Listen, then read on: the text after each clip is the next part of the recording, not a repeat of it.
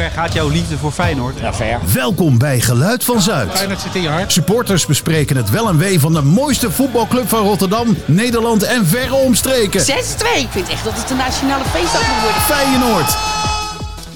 Ja, Geluid van Zuid. Woensdag 12 april 2023. Aflevering 24. The Watcher. Breaking news sinds seizoen 2011-2012. The Watcher. Het juichverslag tot signature sound verheven. The Watcher. De opvolger van de opvolger van Hans van Vliet. The Watcher. Nooit verslappen en 24-7 on the job. The Watcher. Alles willen weten en netwerk op orde. The Watcher. Kritisch en onafhankelijk blijven. The Watcher. Dat herkenbare geluid op die krakende radio aan de andere kant van de wereld. The Watcher. Van voorbereiding in de Alpen tot en met Europese finale in Tirana. Hij is erbij. The Watcher. Iedere zichzelf respecterende club heeft er een. Een watcher, een clubwatcher. En bij Feyenoord is dat Dennis van Eersel, inmiddels bezig aan zijn twaalfde seizoen. Gaan we het vandaag dan toch hebben over knijpende backs en looplijnen? in ieder geval vandaag in Geluid van Zuip ook eerste hulp bij opspelende kampioenscoorts. Welkom luisteraars. Hoi Ellen. Goeiedag. Hoi Dave. Ja, Ellen, Sorry. onze eh, rood-witte antropoloog, noemen we jou altijd maar. Ik vind hem prachtig. Ik adopteer die naam met liefde. En die hebben we vandaag ook wel nodig. Ja. En niet in de house vandaag Harry Kerklaan. Die is gestopt. Mensen komen, mensen gaan. Dus Harry, toch nog van harte voor al je bijdrage. Dankjewel. Maar wie wel in de house is, ja, ook wel een herken, ja, herkenbare stem. Vertrouwd geluid, Jeroen Koot. Ja, goedenavond. Morgen, middag, wanneer, je, wanneer je het luistert. Wat zie je er goed uit, Jeroen? Ja, dank je. Je lijkt, eh, je lijkt wel eh, fris en groen. Jaartje ouder lijkt je. Ja, ja het was jammer dat die eh, speler van RKC nog tegenscoorde. Want op dat moment stond mijn, eh, mijn leeftijd op het scorebord. Want Jeroen, ja, is 50 geworden. Ach man, ach man. Ja, Ja, en daar, eh, daar moet op gedronken worden, vind je niet, Ellen? Hiha ho, er komt Kijk. hier iets uit een tas tevoorschijn. Ja. Dat wil je niet weten. ja, dat is eh, geweldig. Ben wel Als bang. Dankjewel, dankjewel. Als ik nu in mijn garage kijk met alle cadeautjes die ik dit weekend heb gekregen, dan denken mensen echt dat ik een eh, alcoholprobleem heb. En dat, eh, nou ja. Eh, uit, het is en daar hebben ze helemaal gelijk in, maar je dacht Ja, trouwens ja, ook dat wil ik, daar wil ik eh, eigenlijk niet verder over uitweiden. Maar er is natuurlijk geen verjaardag compleet zonder een cadeautje uit de fanshop. Dus eh, ondertussen, lieve luisteraar, komt hier ook nog een, eh, een extra cadeautje in het welbekende Feyenoord pakpapier. Ja, eh. Ondertussen krijgt hij eh, Rotterdam bier. Ja, heel mooi. Ja, dat, Rotterdam bier. dat drink je niet uit de hand. Dat moet wel eh, ergens ingegoten worden. Aha, Ah, kijk. Verklap je nou wel wat er in het cadeau zit? Ja, een beetje. We houden tempo erin. Ja, Dat is het goed als ik het uitpak terwijl jullie verder gaan? Ik Ja, wou want- net zeggen, laten wij even... Ja, de luisteraar heeft het al lang door natuurlijk. We hebben Dennis van Eersel in de show. Ja, je hebt mijn naam ook genoemd al. Ja, Dus dat- ja, ja. Ja, die heeft opgelet. Het was geen, Ja, nee, het geen was geen quiz. hint meer toen je mijn naam Nee, noemde. Dat het was geen quiz. Ah, dat is die watcher waar je het over had. De Watcher. Ja. Hey, en, en binnenkomen chasen, want jij komt echt eh linea recta kom- van, van het trainingsveld af. Nou ja, niet dat je zelf hebt meegedaan, maar... eh, je Dat hebt- lijkt me zeer onverstandig. Ja, ja? nou, dat was meteen de eerste vraag. Ehm, maar jij komt dus van de laatste training vandaan tegen AS Roma. Ja, Eh, voor de wedstrijd tegen AS Roma. Eh, kan, eh, kan je vertellen hoe, hoe, ogen, hoe ogen de jongens? ja goed, Justin Bijlo is er weer bij. En nou traint hij alweer een, een tijdje mee. Maar het lijkt erop dat hij ook echt bij zijn eerste keer bij de wedstrijdselectie meteen weer in de basis gaat staan. Dus ja, dat zorgt ervoor dat alleen Quinten Timber eigenlijk nog in die, in die ziekenboeg zit. Dus uh, Feyenoord is helemaal fit voor eh, de ontknoping van een eh, ja, geweldig seizoen. Wauw. Op oorlogsterkte dus. Zeker. Mooi. En AS Roma die ging niet trainen, begreep ik.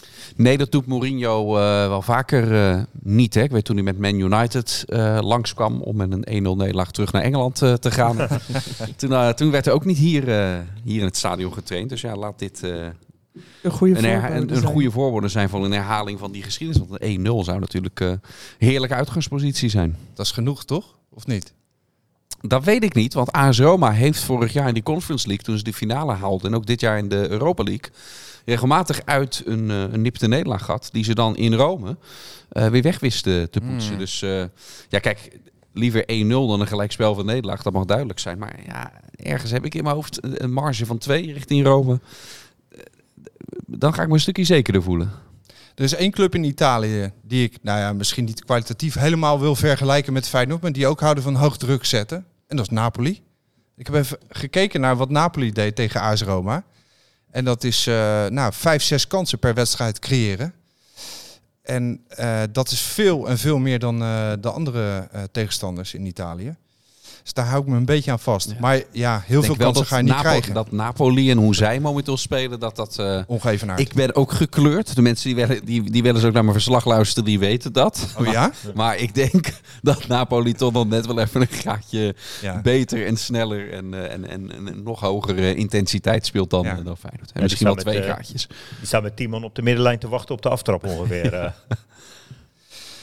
Nou jongens, we gaan... Maar leuk, eh, maar leuk dat je op die manier probeert de, Ja, de, de, de vibe natuurlijk, kom rondom, eh, Feyenoord Roma. ja, het, gaat, het gaat gewoon... Ik eh, waardeer dat. Ja. Het gaat goed, goed komen. Een hele goede vibe hebben we. En ja, soms zitten we in de misère en dan eh, stellen we ons even de vraag... ehm, En We allemaal eerst een eerrondje maken in een tangaslip. nog gelachen? of we nog gelachen hebben. Maar ja, we lachen alleen maar. We lachen dag in dag uit. Toch? Ja, op, op dit moment eh, hebben we veel om om te lachen. Maar ik moet zeggen, eh, de- we zitten nu eh, in de week na die klassieker, na die halve bekerwedstrijd. Ja. halve, halve, halve, Halve- beker. nou, het was inderdaad Ja, een dat was halve een halve- wedstrijd, ja. Ja, dat is een Freudiaanse bespreking was dit. Ehm, het was, ik vond het een heel moeilijke week. Eh, ik heb me ontzettend moeten verdedigen voor mijn club en het gedrag van bepaalde supporters. Eh, ik was er klaar mee, dus ik heb een uitdaging voor jullie. Want ik weet zeker dat jullie het hierover willen hebben, over die wedstrijd van vorige week, over een aansteker. Oh, ik zie moi, moi, moi. Ehm, maar ik dacht, voor, ik zag hem al in het draaiboek, voordat hij uit de hand gaat lopen, zullen we gewoon allemaal één minuutje pakken om er nog wat over te zeggen. En dan dat hij dan klaar is. Ja? Oké, nou trap maar af. Trap maar af, ik ga de tijd bijhouden. Nou, de jarige dan eerst. Ja, ik denk niet dat ik een eh, minuut nodig heb. Maar Jongens, eh, ik wil wel aftrappen, ik pak hem wel Oké. weer. Oké. Bij mij. Maar dan moeten jullie de tijd bijhouden, hè? Ja, ja. Anders ga ik er keihard overheen. Ik moet, moet me wel mijn eigen regels houden. Ik heb namelijk simpel. Dat van mij gaat niet over aanstekers. Dat van mij gaat over rookwolken. Volgens mij hebben we daar als supporters meer last van gehad. En ik heb één tip. En pak pen en papier bij de hand. Die tip die heet Frank Wijnveld. Frank Wijnveld is expert op het gebied van crowd control. En ik had hem in november te gast in Ken je dat niet horen dan? De theatershow die ik, eh, theatertalkshow die ik maak met Theater Walhalla. En hij was onder andere betrokken bij de organisatie van de finale van de Conference League. En zijn verhaal is simpel. Verplaats je in een supporter. Wat wil een supporter? Een supporter wil de wedstrijd zien. Een supporter wil de club aanmoedigen. Dus wat is de supporter? De supporter is een beetje opgewonden en opgefokt. Dus de grote vraag is, tot welk niveau is dat veilig en acceptabel? Dat mag je met elkaar afspreken als club, want jij bent de gastheer. En als je dat hebt afgesproken, dan faciliteer je het gedrag dat je wil zien met zoveel mogelijk gastvrijheid, zodat de mensen zich prettig en fijn voelen in het stadion. En heb je als stadionbezoeker andere intenties dan afgesproken vooraf, Ja, dan verlaat je het feest. oké. Damn! Ja, Heb ik het nou zelf niet gered? nee. Maar mooi relaas. Dan verlaat je het feest dus, ja. Maar Jeroen die houdt het kort, zei hij al. Ja. Heel simpel. Stop met, met het gooien van dingen richting het veld. Ja, Nou, Markie? want nou het is opgelost. Ja. Dennis? het is opgelost bij deze. Ja, dit is natuurlijk wel een hardnekkig probleem dat niet alleen bij, bij Feyenoord speelt. Hè. Ehm, je ziet het eh, eh, eigenlijk al sinds de, de coronamaatregelen dat je, dat je maatschappelijk zoveel onvrede, zoveel onrust hebt. En bij Feyenoord is het alleen net even, lijkt het wat, eh, wat extremer te zijn dan op, dan op andere plekken. Zoals veel bij Feyenoord altijd in extremis is. Hè. De blijdschap is in extremis. Dit soort excessen zijn dat dan ook. Wat geen reden is om het goed te praten. Je moet er altijd afstand van blijven nemen met de club zelf voorop. voorop. En eh, misschien toch nog actiever een, een eh, preventieve rol vanuit de club. Ook als het gaat om spreekkoren en dergelijke. Om daar ook in de mediacampagnes uh, op die manier proberen het publiek te beïnvloeden. Ik denk alleen, dat is een beetje sceptisch, dat het wel een utopie is dat uh, uiteindelijk uh, je dit helemaal uh, uit de stadions uitbannen. krijgt. Want dan moet je het uit de mensen krijgen. Ja. ja. En de mensen zijn nou eenmaal... Nou was de rubriek, geloof ik. Ja, heb je nog, nog gelachen? Heb je nog gelachen? en, en weet je, humor is zo'n ook uh, uh, helend en relativerend mechanisme. En Jij bij, bij koksoe. Ja, ja, ja, ik, vond dat, ik vond dat zo grappig. Ik vond dat zo leuk. En dat de hoofdwondje bij dan komt ja. Koksu eraan. hey, heb je een aanstekertje op je mik gehad? Ja, ik vind, dat vind ik zo leuk. Comic relief. Dus ja, gelachen. Ja. Altijd. Je moet altijd blijven lachen. En dat is geen quote van Bassie in dit geval. maar dat meen ik echt. Wat er ook gebeurt. nou ja, ik, ik, kan het iets korter houden. Want ja, wat teksten van Dennis, uh, die had ik eigenlijk ook net al genoteerd. Het is geen fijne probleem, maar een maatschappelijk probleem wat je bij veel clubs ziet. Eh, ik ben gevraagd als Feyenoord supporter door, eh, door, door iedereen die mij kent om afstand te nemen en het te veroordelen. Ja. Nou, dat laat ik heel graag over aan justitie als iemand veroordeeld moet worden. Daar ben ik niet van. Ik schaam me er ook niet voor, want ik heb er geen aandeel in. Ehm, ja, er is heel veel over gezegd. Het is gebagatelliseerd. Het is gedramatiseerd. Ik zit ergens in het midden, denk ik. Ehm, een glas half vol. Het was ook goed nieuws voor iedereen die een, eh, een praatprogramma moet vullen of een column moet schrijven. Ja. Eh, of een podcast moet opnemen. of een podcast moet opnemen. maar ik, ik hoorde ook wel, het sloeg ook door, ik hoorde ook podcasters zichzelf in de put praten. Die hadden het over zwarte wolken en die zagen het allemaal niet meer zitten. Ik la- las mensen die wilden niet meer naar de Kuip. Ja, en tot slot, de KNVB heeft dan een rationele ingreep op irrationeel gedrag. Ja, en daar moest ik dan wel weer een beetje om lachen en huilen tegelijk. Juist. Dus als er wat gebeurt, Timing, precies de minuut. als er wat gebeurt om hem af te maken, als iemand wat gooit, dan gaan we van het veld. Dus dan heb je eigenlijk, eh ho- hoopt de KVB daarmee dat supporters dan even nadenken op dat moment. Maar degene die dat gooien, ja, misschien zouden die dames en heren die die plannen maken, even een keer hun vergadertafel moeten inruilen voor de tribune. En dan even goed in de ogen kijken van zij die dit doen. Ja. Nou ja, en ehm, Verder nog gelachen? ja, follow the leader. En dat is gewoon toch Arne Slot die heel wijselijk... En hopelijk kunnen we dan ook nu een streepje onder dit onderwerp zetten. Ja, dat doen we wel. En Ja, die zegt, lang om. Laten we het over voetbal hebben. Genoeg hierover. Inderdaad. En nou hebben wij het niet over voetbal, maar over supporters. Hebben we nog dingen waar we om gelachen hebben? Want dankjewel Dennis dat jij zo herinnert aan de naam van de rubriek. Waar kunnen we nog om lachen de laatste tijd? Nou, van genieten, Jiménez. Ja. Ongelooflijk. Ik word, eh, ja, ik word helemaal lyrisch als hij de bal krijgt. Met zijn rug naar de goal. Gaat draaien, gaat, gaat, gaat zwerven. Ja, wat hij allemaal doet daar op dit moment. Ja, intens genieten. Ongelooflijk. Het is het beste, het beste Feyenoord voetballend wat ik, wat ik in 30 jaar heb gezien. Ja. Ja. Echt Ja. genieten. En het leukste, hij vindt het zelf ook zo leuk. Want ik ben natuurlijk, ik blijf het iedere keer zeggen, ik ben zo'n fan van eh, eh, de, de Instagram van eh, zijn vriendin Ver. Ja. Die natuurlijk het hele leven van die, van die gozer in beeld brengt. Maar ook hoe trots ze zijn. En dat er nu weer een muurschildering En die was. En die delen vandaag, ze. ja. Precies, heel goed. die graffiti van Jiménez, die delen ze dan. Eh, eh, inderdaad, zij, zij staat het hardste te juichen. Ze zijn zelf net zo supporters als wij het zijn. Dus het Hij is is ook in, de, in hele korte tijd door het legioen echt in de armen gesloten. Hè, met zijn eh, eigen lied eh, voor hem. Op dezelfde melodie waarmee ook Ali Reza wordt, eh, wordt toegezongen. Eh, maar dat gebeurt, gebeurt niet bij elke speler dat er zo snel ook een eigen lied is en dergelijke. Dus, dus ergens is een enorme klik tussen hem Ja. en Feyenoord. Gewoon een geweldige, geweldige match. Dus ik, ik hoop dat hij nog eh, lang het rood en wit mag eh, dragen. Langer dan dit één eh jaar. Wat, wat is jouw analyse daarbij? Waarom hij? Ja, kijk, hij, hij kan goed voetballen. En hij sleurt en hij trekt. Maar is er nog meer dan dat? Ehm, ja, spitsen vallen sowieso goed in, eh, in de smaak vaak in de Kuiper. Dat is uiteindelijk de, de, de afmaker, het, eh, het, feestbeest. Hè. Met eh, een heel ander karakter, maar met Guidetti en met, en met Pelle was dat natuurlijk ook. Hè. De spitsen hebben sowieso wat dat betreft vaak een streepje voor om dan opgepikt te worden. Ja, en ik denk inderdaad gewoon ook qua, qua karakter wat hij dan meebrengt, dat het goed bij, bij Feyenoord past. Blaast niet hoog van de toren in woorden, Dequidetti maar wel. op het veld eh, doet hij dat wel. Dat, ja, daarom was. Guidetti Ja. dan misschien de een ander uitzondering. type. Ja. Ja. Maar Guidetti kwam ook op het moment dat had Feyenoord toen ook echt Ja. nodig. Hè? Want Feyenoord kwam, natuurlijk, kwam van een heel andere eh, plek vandaan dan waar Feyenoord nu staat. En toen had Feyenoord heel erg behoefte aan een Guidetti. Brani. En op dit moment eh, is daar ook wat minder behoefte aan, denk ik. Ja. Het is leuk, want wij hebben wel eens die F-factor proberen uit te vinden. Maar het zit hem ook echt in die herkenning, volgens mij. Dat hij dat hij net zo'n supporter is als wij soms in zijn gedrag. Ja, ja, het is soms ook iets ongrijpbaars. Hè? Ik weet, Alexander Ustlund was ook, was ook populair. En dat werd op een gegeven moment een, een, een gebbetje. Maar ook wel mensen waarbij dat gewoon oprecht, eh, oprecht was. Hè? Ja. Opa Ja, verteld. Nou ja, opa.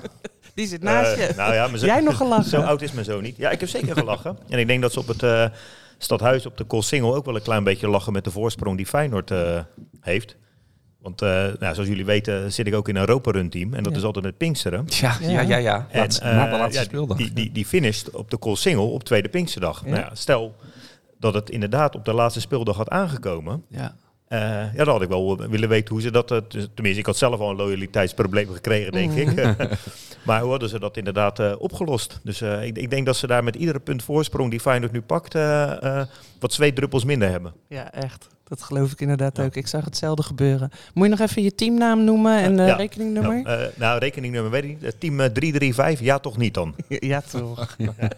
En ik, eh, ja, ik heb nog wel iets. Ik heb, ik heb het eigen shirt heb ik hier liggen. Dat, eh, want Feyenoord is nogal van de retro shirts eh, de, laatste tijd. En het, Mhm. ze hebben het groen-witte shirt eh, uit eh, 2003 hebben ze weer op de, op de markt gebracht. En ik zag heel veel mensen in het, eh, in het shirt lopen afgelopen zondag al. Ja, hè? het viel me ook op. Ook inderdaad eh, de, retro, maar ook het, ook het echte. En ik postte er een foto van. En toen zei iemand van ja, hoe komt het de, dat jij die, dat, dat logotje van Stad Rotterdam Verzekering op je mouw had? En dan moest ik echt heel goed nadenken. Want eh, ja, ik heb dit shirt helemaal niet gekocht. Ik heb het van iemand gekregen die eh, heel goed bevriend was met, eh, met de wasdame in de Kuip eh, destijds. eh. Nee. Dus dit is, eh, Een echte. dit is inderdaad een echte, ja. Zonder, zonder rugnummers, wel- weliswaar, maar wel met eh, dat, dat had het andere shirt niet. Maar Dus- wat, wat, Dus je kunt hem onderscheiden van het retro shirt door... nee, met de retro shirt staan die Kappa-logotjes natuurlijk ook niet. Niet, oké. Nee. Nee. En, eh, ja, maar ik, ik had eigenlijk wel een vraag. Want als iets al eh, van, van nog geen twintig jaar geleden al retro genoemd gaat worden. Nou, dan werd mijn leeftijd al, eh, al verraden. Maar dan denk ik van ja, wat vinden wij ervan? Het, eh, die shirts die zijn eigenlijk, die, die, die hing voor mijn gevoel nog nieuw in de kast. ja. Ja, nou ja, wat ik ervan vind is dat je inderdaad oud wordt dan als je Ja. dat bij jezelf dat gevoel krijgt. Ja. Ja, maar is 20 jaar retro? Ik, ik was ook even verbaasd. Ik dacht, waarom...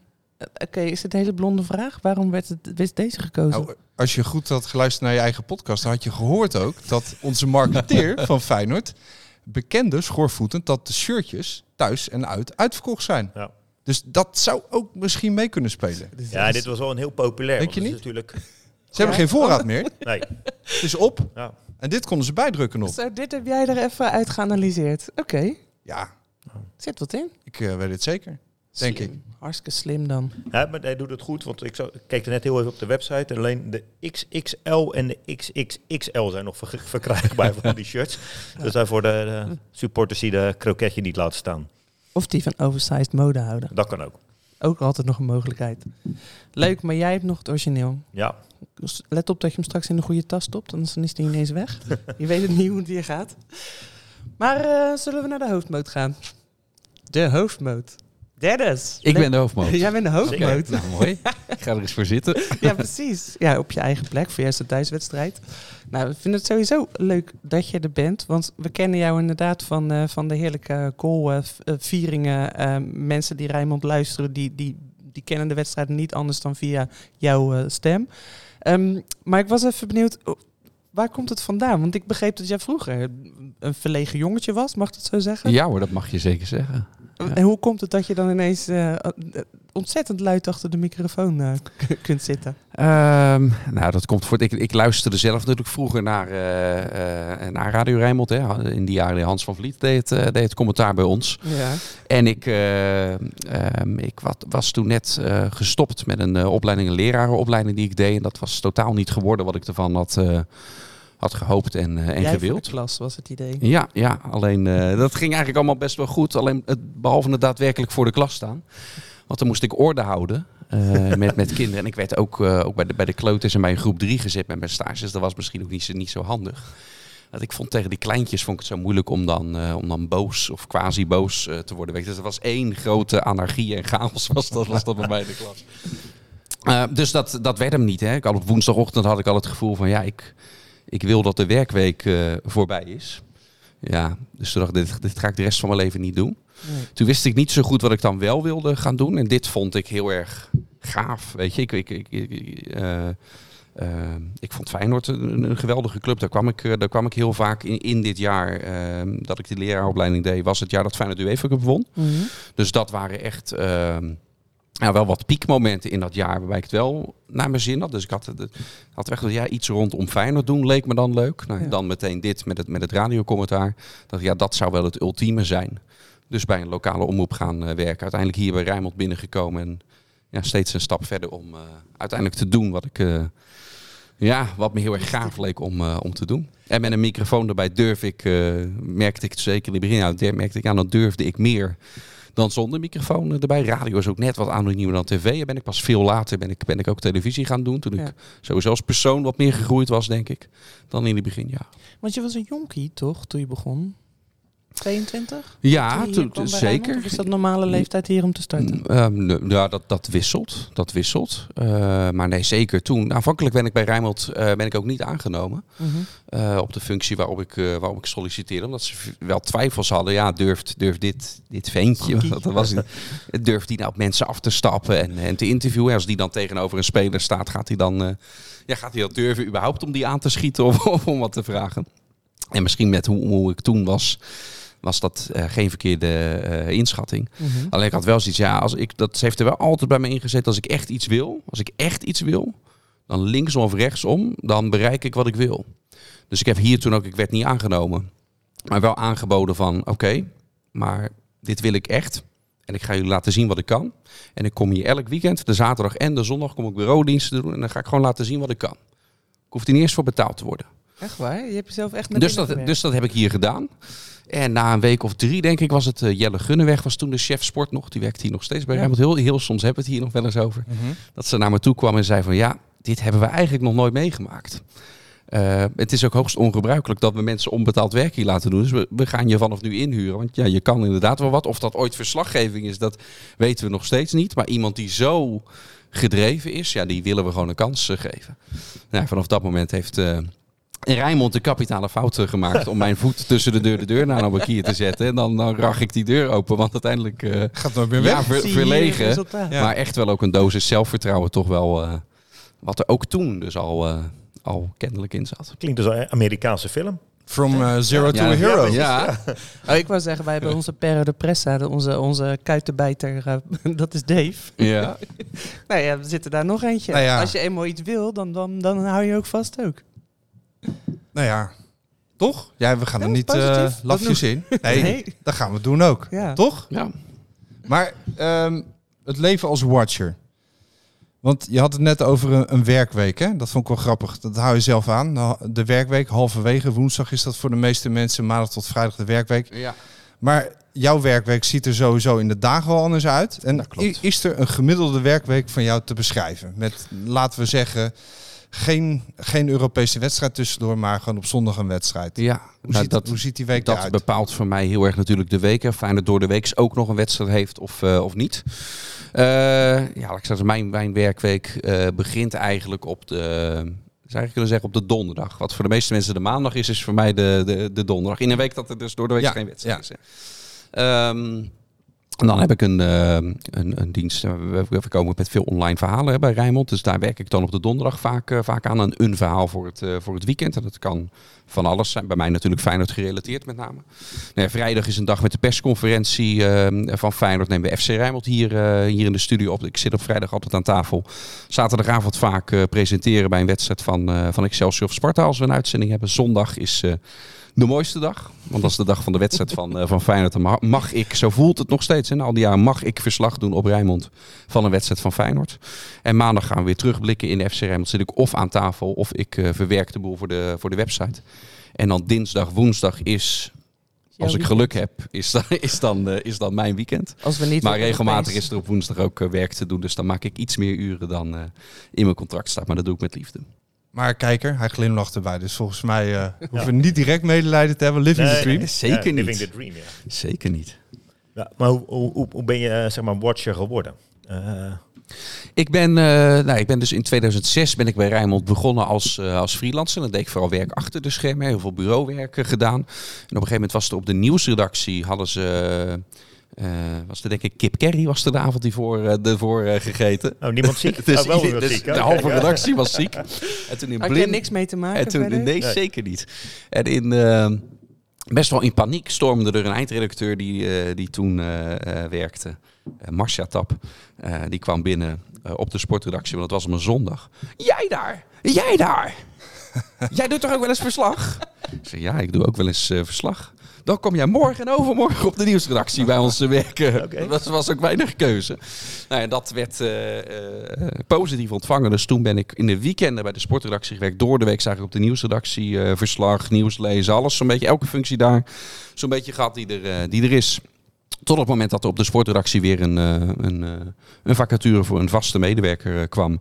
Daarop heb ik gesolliciteerd, ben ik geworden. Toen mocht ik betaald voetbal ook gaan doen. Eerst in de eerste divisie. Eh, toen een tijdje Sparta ook eh, gedaan in de Eredivisie. Na de degradatie helemaal Sparta intensief gevolgd. Totdat we Feyenoord met twee mensen gingen doen. En eh, werd ik gevraagd, ja, zou jij dat, dat willen? En nog voordat die zin was uitgesproken had ik al ja gezegd. Ja, Dus, ja. Maar, Ja. maar b- bij een wedstrijd, zeg maar, ik, zeker aan het begin van het seizoen, dan heb ik al moeite om, om alle nieuwe spelers van Feyenoord te herkennen. Maar, maar jij moet in een wedstrijdverslag ook nog de spelers van de tegenstander eh, Ja. eh, bij naam en toenaam. En eh, ja, zit je daar op de blokken thuis? Of, eh, Nou, op die, van Feyenoord niet. Want ik Nee, pak in de voorbereiding natuurlijk ook alle oefenwedstrijden eh, mee. En, en namen van Feyenoorders eh, eh, eh, instuderen. Als er dan een nieuwe is, dat, eh, dat doe ik dan wel. En bij de tegenstander, zeker in het begin van het seizoen... eh, dan kijk ik als ik weet in de komende weken... Wat dat betreft ben ik dan net een, een scout van de club... als er een komende tegenstander komt. Als ik weet in de komende weken is Emmen de tegenstander... Ja, dan kijk ik dus ook de wedstrijden, of in ieder geval de samenvattingen van Emmen in de week. Voordat ik die namen al weet, ik een beetje weet wie op welke plek staat. Dus ja, dat hoort wel bij, eh, bij de voorbereiding ook. En als er echt lastige namen bij zitten, ja, dat is inderdaad simpelweg gewoon eh, blokken van die namen ook. Dan gaan we gelijk even testen. Donderdag. Wat, El Sharawi? Oh, Sherawi. Ja. Ja. dat valt nog mee, hè? ja. Dave houdt hier even wat namen voor de neus van En Dennis. die Georgische linksbuiten van eh, Napoli. Van Napoli. Ja, maar daar, daar spelen, spelen we niet daar spelen we nu niet. Heeft er niet op gestudeerd. Volgend jaar in de Champions League. Dat zou... eh, gaan nou, dus heel veel die tijd... gaan de Champions League in en Feyenoord ook. Dus dat zou kunnen. Maar Napoli is al een keer... eh, die hebben de vorige keer in de Champions League reeks natuurlijk gehad. Die thuiswedstrijd was wel leuk. Eh, maar eentje die nog niet geweest is. is eh, kijk, Barcelona zou natuurlijk geweldig zijn. Hè? Wat, een, wat een affiche zou dat zijn. Ja, Durf te dromen. Ja, Kunnen ja, wij een ring goeie. vullen. Ja. Dan kan gewoon eh 50.000 man heen. Dan. Die kant op, ja. Ja hoor. We helpen ze Nou, wel zij, aan de zij spelen volgend jaar, mocht het... Ik, doe- we doen, ik doe nu alsof, alsof dit al eh, ik kan en kruiken. Zij spelen, ze spelen niet in hun stadion hè, komend seizoen. Maar op die berg, in Oh, dat gaan eh, Olympische verbouwen. stadion dat er verbouwd wordt eh, daar. Hoeveel eh, capaciteit is dat? Hebben we daar genoeg aan? Oh, sorry voor Durf, deze. ik weet niet hoeveel capaciteit dat... Die googelen we maar later. zodra Feyenoord ze loodt, ga ik het uitzoeken. ja, precies. Ja, bij jou is het echt, je gaat Maar- je huiswerk maken op het moment dat Maar eerst Emmen nodig uit. is. Daar heb je op gestudeerd. Dat is een goeie. Ik ben ook wel benieuwd. ehm, als watcher moet je ook een beetje, een beetje je inside information eh, Mhm. hebben. Hier en daar wat bronnen. Is dat nog te doen in deze tijd waarin alles steeds meer wordt afgetimmerd? Jawel, dat groeit natuurlijk wel. Hè. Dus toen ik, toen ik net Feyenoord ging volgen, was dat ja, beduidend minder dan nu. Dus dat is natuurlijk echt van eh, ja, mensen die mij moeten kennen. Ik moet hun kennen. Uiteindelijk eh, moeten mensen je ook leren vertrouwen. Als het gaat om primeurscore, dat, dat is altijd gebaseerd op, eh, op vertrouwen. Dus soms hoor ik ook dingen en dan doe ik er ook omdat iemand daarna zegt, oh, slip of the tong. En dan doe ik er gewoon ook even nog niks mee. Want dat is hoe ik vind, hoe ik als persoon dan in elkaar eh, eh, zit. Eh, ja, en als het gaat om spelers, dat is inderdaad, want daar doe je denk ik dan met name om, eh, op als je die vraag stelt zoals jij hem stelt. Ja, dat wordt inderdaad steeds lastiger. steeds minder mediamomenten. Niet één op één, maar in een persconferentiesetting. Dat is wel anders dan toen ik begon, twaalf jaar geleden, om Feyenoord te volgen. Laat staan als ik verhalen hoor van collega's die al echt langer meelopen. Die dan in de rust van een wedstrijd in de goud naast Wim van Hanegem eh, zaten. denk ik, nee, no way. Maar ja, wel, wel. Maar mi- mis je ook veel daardoor? Nee, ik vind wel dat er altijd enige, ehm, hoe ik het zelf wil doen. Ik zou niet echt ook bevriend met een speler eh, willen en kunnen zijn. Het levert je misschien meer nieuws op, of dat je de opstelling eerder hebt dan anderen. Maar uiteindelijk, als die speler een slechte wedstrijd speelt, of Wil je dat een- kunnen een rode zeggen? kaart, dan en, en, en ik zou die scheiding nog wel kunnen maken. Eh, maar of dat aan de andere kant van de tafel dan ook zo, eh, zo is, dat weet ik. Dus het liefste kom ik dan ook niet in die, eh, in die situatie. Nee, dus, dus het is wel gewoon een goede afstand op dit moment. Het hoeft, Ja. geen, het hoeft geen, het hoeft geen familie-vrienden s- situatie te worden. Nee, en er zijn wel eens spelers geweest waarmee ik dan ook, hè, dan heb je mekaars nummer en dan heb je wel eens wat. Maar echt wanneer dat, dat niet echt vriendschap of iets dergelijks eh Nee. worden. Mag ik even een, een, een sidestep in het slecht... Ik ben vandaag wel van slecht. Nederlands, sorry jongens. Nou, dit, is gewoon Engels, dit is gewoon Engels hoor. Ja. Het is geen slecht Nederlands, het is gewoon Engels wat je deed. Maar Familie. wel slecht Engels dan, dat wel. Familie, noemde je net. De Feyenoord-familie, hè? We, we hebben allerlei geledingen. We hebben een stadion, NV, we hebben Oh, de. BVO, we hebben de supporters. We hebben binnen de supporters hebben we 56 verschillende bloedgroepen. Stromingen, we hebben de amateurs, we hebben de, de vrienden van Feyenoord. En dat wordt meestal samengevat eh, in artikelen de Feyenoord-familie. Is het een familie?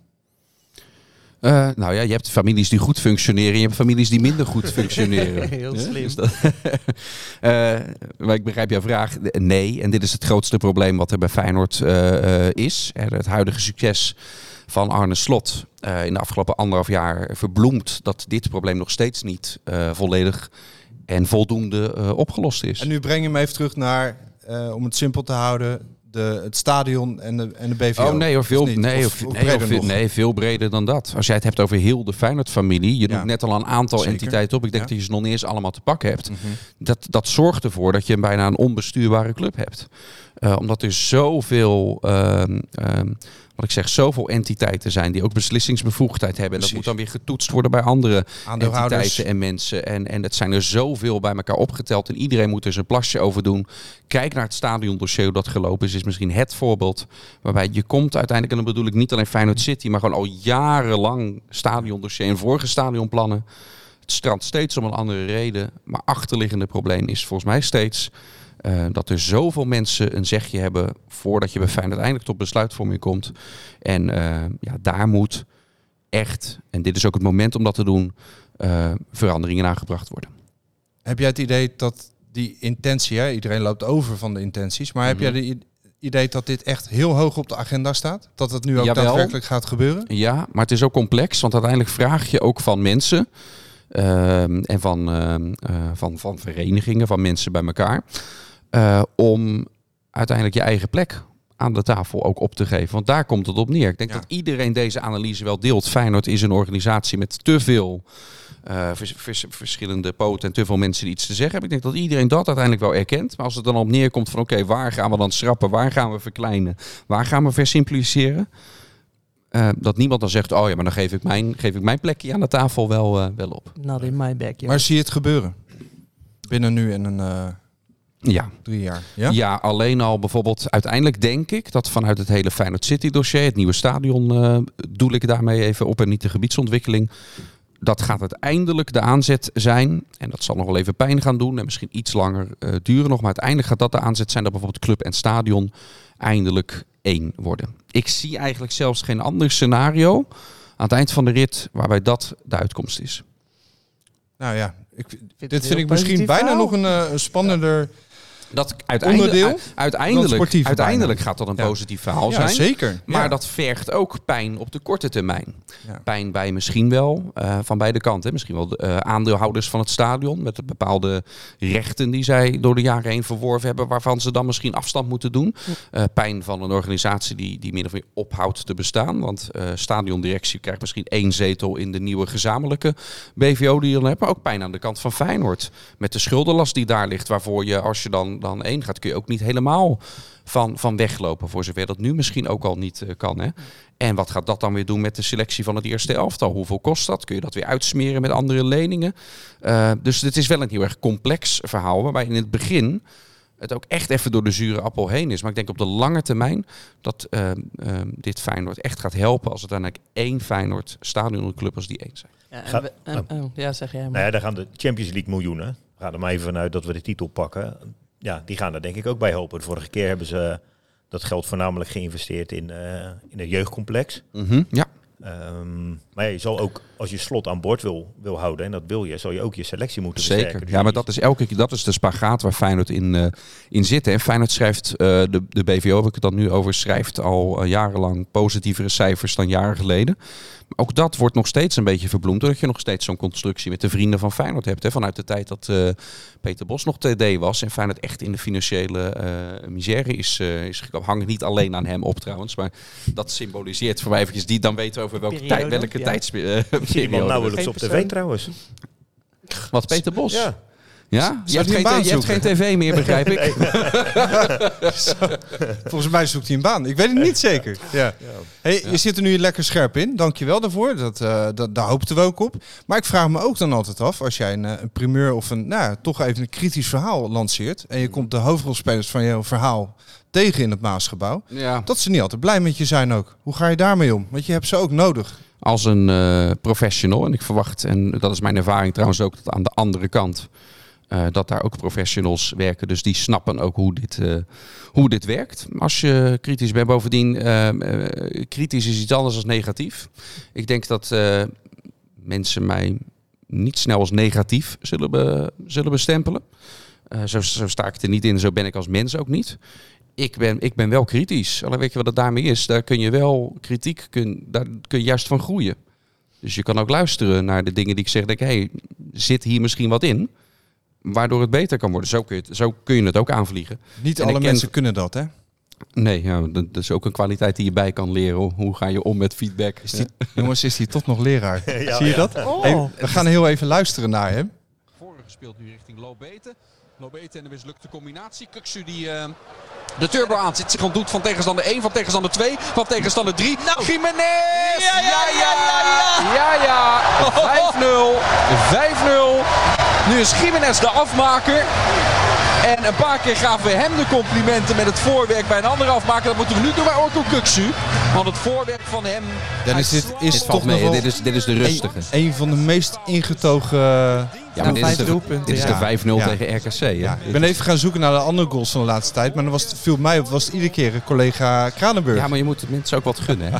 Die, Zeker. eh, Ja, je moet je stembanden ook dit is dit is, gunnen. ik zeg het nu als, als grap, maar het is trouwens ook echt hoe ik in het leven eh, eh, sta hoor. Ik bedoel, eh, Dennis eh, doet natuurlijk nu net pas verslag eh, van, eh, van Feyenoord. Ja, ik weet zelf nog in het begin hoe kick het is. Zeker in een grote wedstrijd als je dan het doelpunt hebt. En dat kun je nooit helemaal regisseren. Maar bijvoorbeeld, we hebben wel eens gehad als ze, als ze dan in de aanval zijn. Dan geef ik hem even snel een porretje van pak jij hem over. We hebben een paar keer gehad, ook bij een grote wedstrijd. Dus je gunt hij hem daar gewoon dan een doelpunt. Tuurlijk. Je lijkt wel een speler. Ja, Hij heeft volgens mij Ja, alle... maar ook, maar ook Ja. als verslaggevers eh, ben, ben je in een team. hè. Ik heb samen, toen ik met Sinclair het verslag we een keertje de Theo Como Award gewonnen. Voor de kampioenswedstrijd tegen Heracles.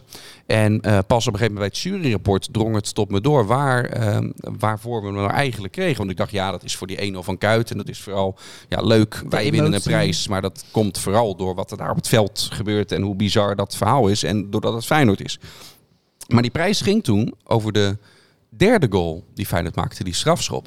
En zij richtte zich toen met name erop van ja, want wat er, wat er gebeurde, dus de strafschop ging genomen worden. Toen zei ik, hey, ik had de 1-0 en, en de 2-0. En toen zei ik tegen Sinclair, ik vind, dit is zo'n ontknoping van een geweldig seizoen dat we samen hebben beleefd. Schreeuw jij die laatste bal er even in. En hebben we samen die, die 3-0 gedaan. En juist dat werd er uitgepikt, omdat duoverslag, om succesvol duoverslag te doen, vergt het. Het is wat dat betreft, ben je ook een team. Ja. Vergt dat je ook, en een team, dan moet je elkaar dingen gunnen. Ja. Dus nu ga je ook om... eh, eh, voor die bonding... Weer Engels, sorry. Ga je ook met Dennis Ja, je- Kranenburg... eh, you're, you're on a drive. in het weekend ga je op stap met hem. Nee, dat Of- hebben we niet nodig. Maar ik heb, ik heb Je met gaat Den- elkaar aanvoelen. ik ken Dennis al wat langer. We hebben, Ik heb een tijdje hier het ochtendprogramma bij Rijnmond ook gepresenteerd. Ook op, dat was ook bijzonder trouwens. Dat was ook de stoel die Hans van Vliet had. Hè. Dat was in, in Ja, de tijds, ja. het, het, het, eh, tijdvak dat Hans van Vliet ooit eh, vulde. En toen heeft Leon Boeder dat overgenomen. Die ging weg. Eh, en toen is mij gevraagd om een half jaar, volgens mij is het uiteindelijk 19 maanden geworden, om dat ochtendprogramma te doen. En, en Dennis Kranenburg deed daarbij altijd, ook bij Hans deed hij dat al. Zo is hij hier bij Rijnmond binnengekomen, deed de techniek van dat programma. Dus toen merkte ik al van, hé, deze gasten hebben dezelfde humor. We lijken, ogenschijnlijk lijken we niet op elkaar, maar toen gingen we met elkaar praten. Toen leken we heel veel overeenkomsten, hadden we toen al. Dus met hem was ik, eh, was ik ook voordat we Feyenoord samen eh, deden, was ik al eh, goed. Ja, nou ja, je noemt net Hans van Vliet. Dat is Mm. zeg maar de oervader van het Rijnmond-verslag. Zeg we maar. hebben Rijnmond alles aan te danken bij Rijnmond. voet- Ja. voetbalverslag. Ja. Ja, die heeft wel, denk ik, in menig huiskamer waar mensen naar de radio zaten te luisteren en geen tv keken. Want dat gebeurde heel vaak. Of mensen zetten de, het geluid van de tv uit en geluid van Rijnmond aan. eh, toch wel wat eh, hartinfarcten bezorgd. Want, eh, in de periode dat ik geen uitwedstrijden meer ging, ging ze luisteren op de radio. Dan ging ik naar buiten hardlopen of iets dergelijks. Maar ja, als de bal, en, en jullie hebben dat ook, jij en Sinclair en ja, met Dennis ook, op het moment dat de bal over de middenlijn gaat, dan lijkt het, bij, lijkt het al bijna een goal. Ik, Ja, dat is ook het leuke aan Ja. radio. Hè? ja, Ja. De overdrijving, die zit, eh, die zit daar... eh, Super spannend. Ja, het is super spannend. Spannender als tv. Ik, eh, kan tv kan ik, die uitwedstrijden kan ik heel slecht kijken. Dan ga ik ijsberen en zo. Maar radioverslag, dat is... eh, ja. Word je rustig van? Nou, nee, dat ook weer niet hoor.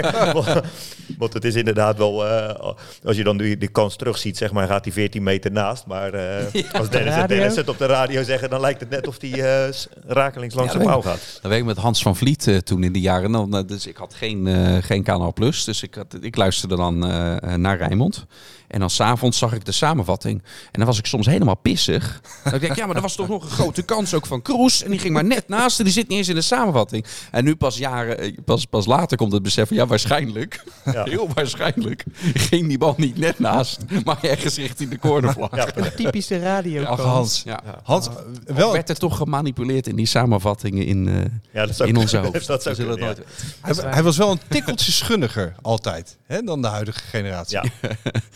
Ja. Toen kon je misschien ook nog wat meer zeggen. Want nu als we iets zeggen, dat, eh, dat ook al, zelfs al is het op het randje. Ja. Dan staat het al meteen op Twitter dat het geciteerd is van... hey, op de radio zeggen ze eh, dit Ja. en dat. Ja. We hebben het eh, na nou, de laatste klassieker, eh, de bekerklassieker... hebben we het nog aan de hand gehad dat eh, met, met Davy Klaas en de aansteker... Ah, ja. eh, dat dan eh, heel selectief... eh, dus, dus is, het hebben Ajax-supporters ons commentaar meegetaped... en heel selectief de knipjes gezet met waar wij ophouden met, eh, met praten. Jullie hadden het over aanstellerij of theater op Ja. een gegeven moment. En dus ik sta nog steeds vierkant achter die woorden. Op basis van het voorgaande uur dat er gespeeld was, waarbij bij elke scheet Iedereen, iedereen Ja. op de grond lag. Ja. Maar vanaf, het, vanaf het moment dat wij, en dat was echt maar een half minuut, het fragment duurt dus ook maar een half minuutje, vanaf het moment dat we zagen wat er daadwerkelijk gebeurd was, hey, meteen ook ruiterlijk excuus eh, gemaakt. En, eh, Ja. Maar dat is maar, dat, is, maar dat, Ja, dat, dat- dat, dat hebben ze, dat eh, Ja. paste niet in het plaatje, denk ik. Ja, wat zonde voor het Ja. verhaal. Ja. Toch vind ik jou, nou ja, dit dus ook, dat je jezelf daarna dus kunt herpakken. Dat je eerst dus inderdaad opgewonden bent over van, jemig jongens, eh, doe niet zo'n theater. En dat je daarna dus meteen weer kunt schakelen en zeggen, oké, we hebben ons een beetje te, te, te fel of te hard Ja, daarover het, uitgelaten. het is hoe het is. Ja. Er zit, Dat is wel een verschil natuurlijk met of er een kans net naast gaat en je, over, en je overdrijft dat een beetje. Die kun je dan laten lopen. Maar bij dit soort momenten moet je natuurlijk ook gewoon eh, zeggen eh, wat er gebeurt. Ja. Maar dat vind ik sowieso, dat merk ik bij jou. eh, Sinclair had het ook, maar ik vind dat jij dat ook heel sterk hebt. Er zit een bepaalde kalmte ook wel weer in.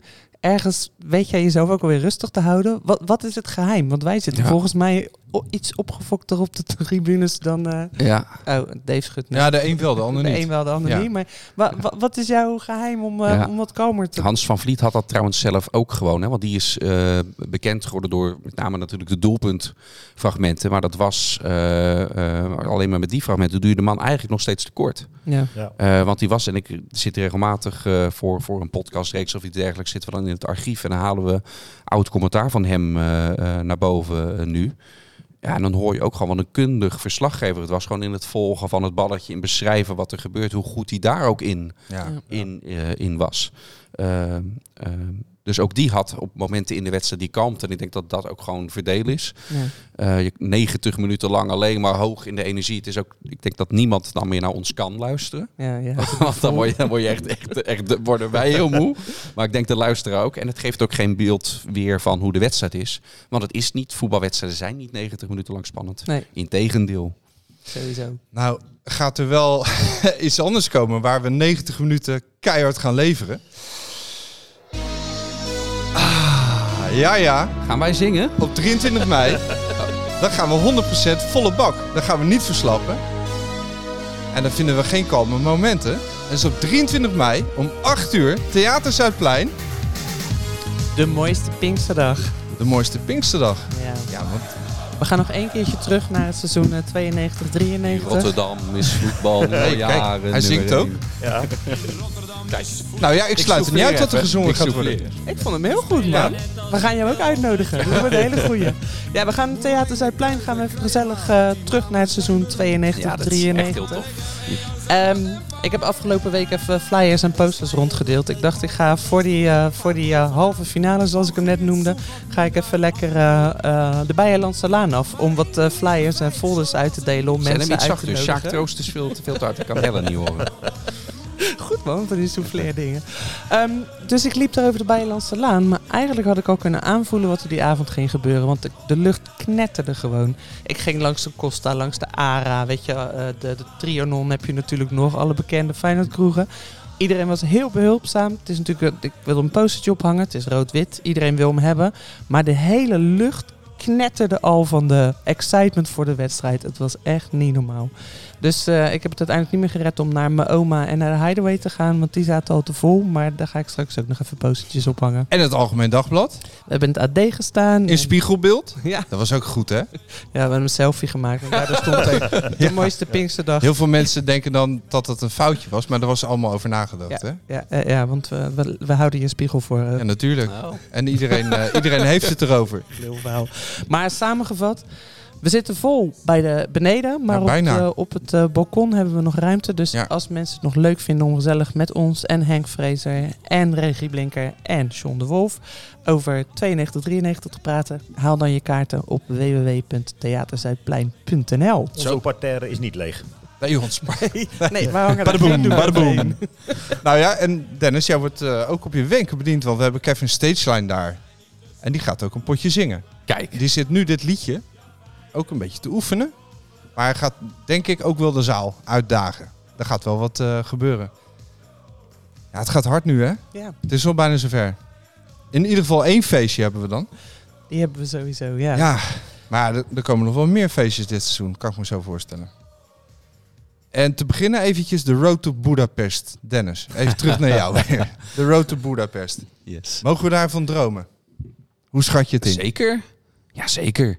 Eh, want Feyenoord staat inmiddels al in de kwartfinale. Ehm, dus dan is het geen, eh, geen echt absurde gedachte meer eh, toch om het daarover te hebben. En als je kijkt naar de halve finale, de kant van het schema, het, past Feyenoord nooit om welke tegenstander dan ook te onderschatten. Dus ook supporters niet. Alleen ja, je zit niet aan de kant van het schema met Juventus en, en Man United. Ik denk dat we het allemaal wel over eens kunnen zijn dat je dan, als je moet kiezen, dan heb je meer kans tegen bijvoorbeeld Leverkusen of de Belgen van, van Union. Dan, eh, dan dat je nu eh Juve of United tegen zou eh, komen eventueel in die halve finale als het zover komt. Want zeker die wedstrijd volgende week in Rome, dat eh, gaat eh, verre van gemakkelijk worden, denk ik. Mr. Bas, de best betaalde buschauffeur van Europa, hè? Go- José Mourinho. Ik las een, een analyse van... jullie hebben een analist ook daarvoor, Jeroen Bos. Ja, ja Jeroen. En een heel verhaal over, over looplijnen ook en zo. Daar zijn we gek op. Maar de conclusie helemaal aan de... Doet hij wel goed hoor, trouwens, die analyse. Zeker. En, en wat ik ook, eh, Je- Jeroen is echt pas net, eh, net bij, ons, eh, bij ons team. Hij is sinds kort ook op de, op de radio. En ook dat doet hij, eh, doet hij echt heel, eh, heel goed. Maar, maar jij wilde, jij wilde, Nee, absoluut. Nee, heel mooi verhaal. valt, dus En je, je las aan alles ook in die analyse. Hij heeft echt even de zaag door dat elftal gehaald. En gezien wie maken de doelpunten en, en, en hoe moet het wel en hoe moet het niet. Maar het grappige vond ik dan wel weer op het einde stond, was de conclusie.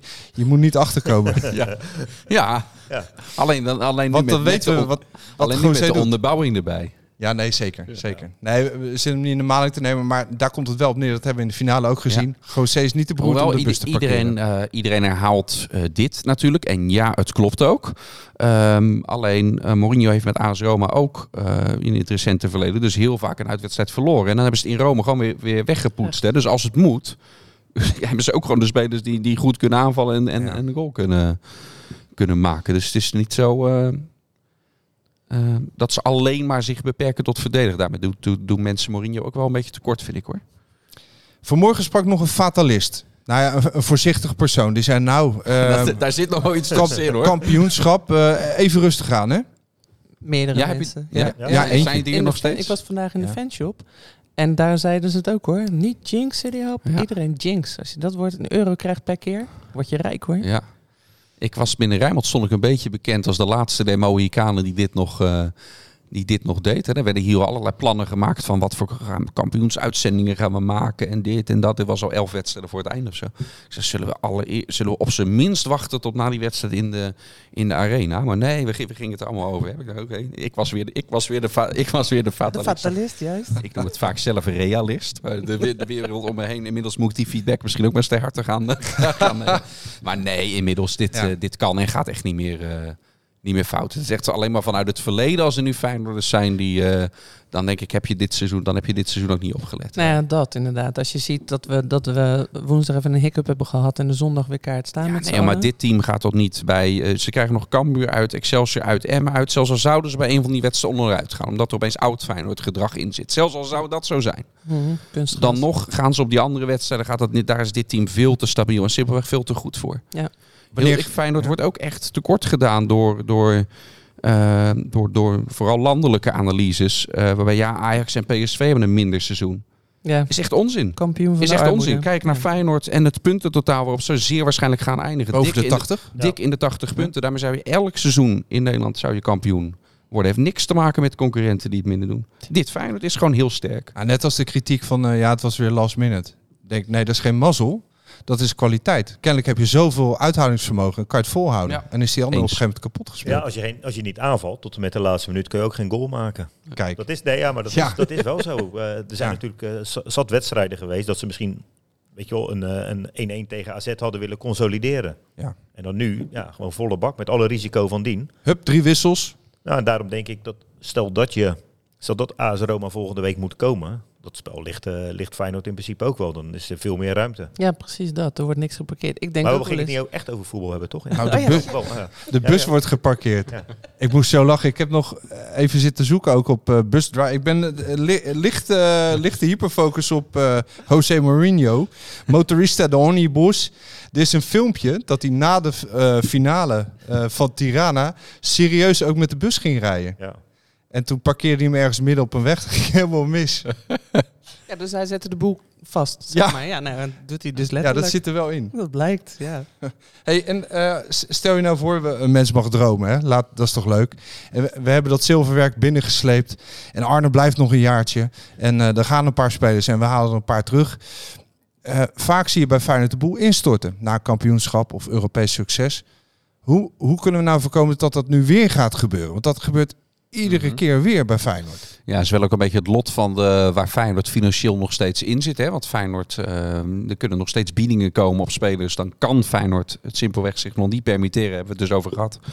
Eh, eh, met wat er allemaal nog moet, eh, moet gebeuren. En dan kan Feyenoord zich niet permitteren om dat te zeggen. Nee, we gaan de Champions League in en we houden Jiménez. Hm. Leuke bod van 45 miljoen. Maar we houden hem gewoon. Nee, dat kan Feyenoord zich niet permitteren. Dus dat is een beetje het lot van waar Feyenoord nu nog in zit. Dat die spelers dan, eh, dan weggaan. Ik heb wel behoorlijk wat vertrouwen in het eh, nieuwe scoutingapparaat. Dat er bij Feyenoord is. Dat zelfs al is dit het geval. Zelfs al gaan Kuksu, Geertruida en Jiménez eh, weg. Die drie.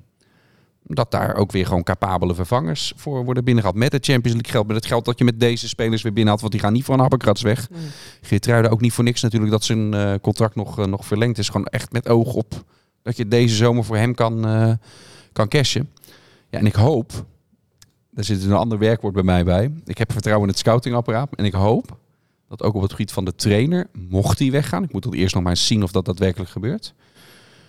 Dat daarbij dan ook iemand wordt gehaald die ehm, ehm, echt ehm, hetzelfde als slot is. En dan nog niet eens zozeer qua ehm, de filosofie van, van spelen. Tuurlijk is dat belangrijk. Maar wat deze man zo verschrikkelijk goed maakt, is dat hij zo communicatief vaardig is. Dus wat hij in zijn hoofd heeft, deze man heeft de kwaliteit om dat over te brengen bij andere mensen die het dan volgens moeten uitvoeren voor je. Dat is het grootste geheim, de grootste kwaliteit die hij denk ik heeft. Dus als je nu alleen maar gaat zoeken op iemand die hetzelfde type voetbal speelt, de naam van Peter Bos bijvoorbeeld is eh, in deze uitzending gevallen. Ik weet niet of die, dit, of die ook diezelfde vaardigheden Zoekt als... hij een eh, baan dan? Ja, nou misschien zit hij wel op deze klus te wachten. Ja, stel dat hij het wordt, dan kan je wel wat eh, columns van Willem van Hanegem verwachten, denk ik. en niet bepaald de grootste vrienden. Ja. Maar die zijn communicatieskills, die Ja. zijn het allerbelangrijkste in jouw ogen, bij hem. Die maken echt het verschil. Ja, dat, eh, dat is mijn opvatting, ja. Mooi. We zijn ook minder stuurloos, heb ik het idee.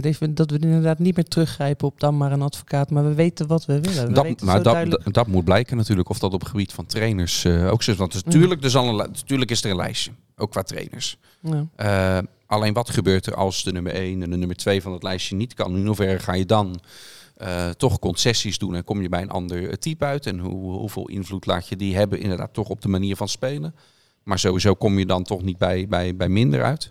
Je, je merkt dat, dat kun je kritisch benaderen met de technisch directeurschap en de technisch manager die er nog steeds niet is. Daar kun je heel erg kritisch naar kijken. Is ook terecht, want dat duurt allemaal veel te lang. En eh, kijk wat voor een zomer er aankomt. straks. Eh, kijk wat voor een zomer er aankomt en dat is echt nodig. Tegelijkertijd kun je het ook net zo goed positief aanvliegen dat je zegt, ja, maar als je niet degene vindt die je geschikt acht voor die rol, waarom zou je dan second best aannemen omdat het tijdsdruk is? Dus, en We doen is het niet waar. voor minder. Maar is dat de reden? De- is dat echt de reden dat we het inderdaad niet voor minder doen, dat we daarom nog niemand hebben? Eh, ja, deels. deels. Ehm, ehm, dus ja, er is nog niemand gevonden die voldoet aan het eh, profiel zoals Feyenoord het heeft opgesteld. Dus geen technisch directeur, maar een technisch manager. En daar zit ook meteen de crux in. Dat eh, de echte eh, mensen die in dat vakgebied heel erg goed zijn... die willen denk ik niet voor een technisch managerschap komen... maar die willen meer inspraak en ook in de hiërarchie een, een plek hebben. Ja. Dus dit is een, eh, een lastige zoektocht voor eh, Hoe-. Hoe kijk jij naar Dennis de Kloese? Zijn voorgangers, eh, die eh, liet zich nog wel eens uit in de media. Die zag je heel veel, Ja. soms zelfs te veel. En zeiden heel veel in de media, daardoor ook de verkeerde dingen. We hebben nu een algemeen directeur, die zie je heel weinig. Als je hem ziet, is het raak, wat hij zegt, vind ik meestal. Ehm, maar je ziet hem wel heel weinig. Hoe, hoe kijk je daarnaar? Heeft hij geleerd van zijn voorgangers? Of is het eh, het type er niet Mm, naar? Ik, denk eerder goed? dat het ook een karakterstuk is. Waarbij hij voelt zich, denk ik, eh, minder comfortabel met eh, voor een camera staan en in de microfoon praten. Zijn kracht ligt hem gewoon echt op de, de werkvloer en een lange termijnvisie hebben.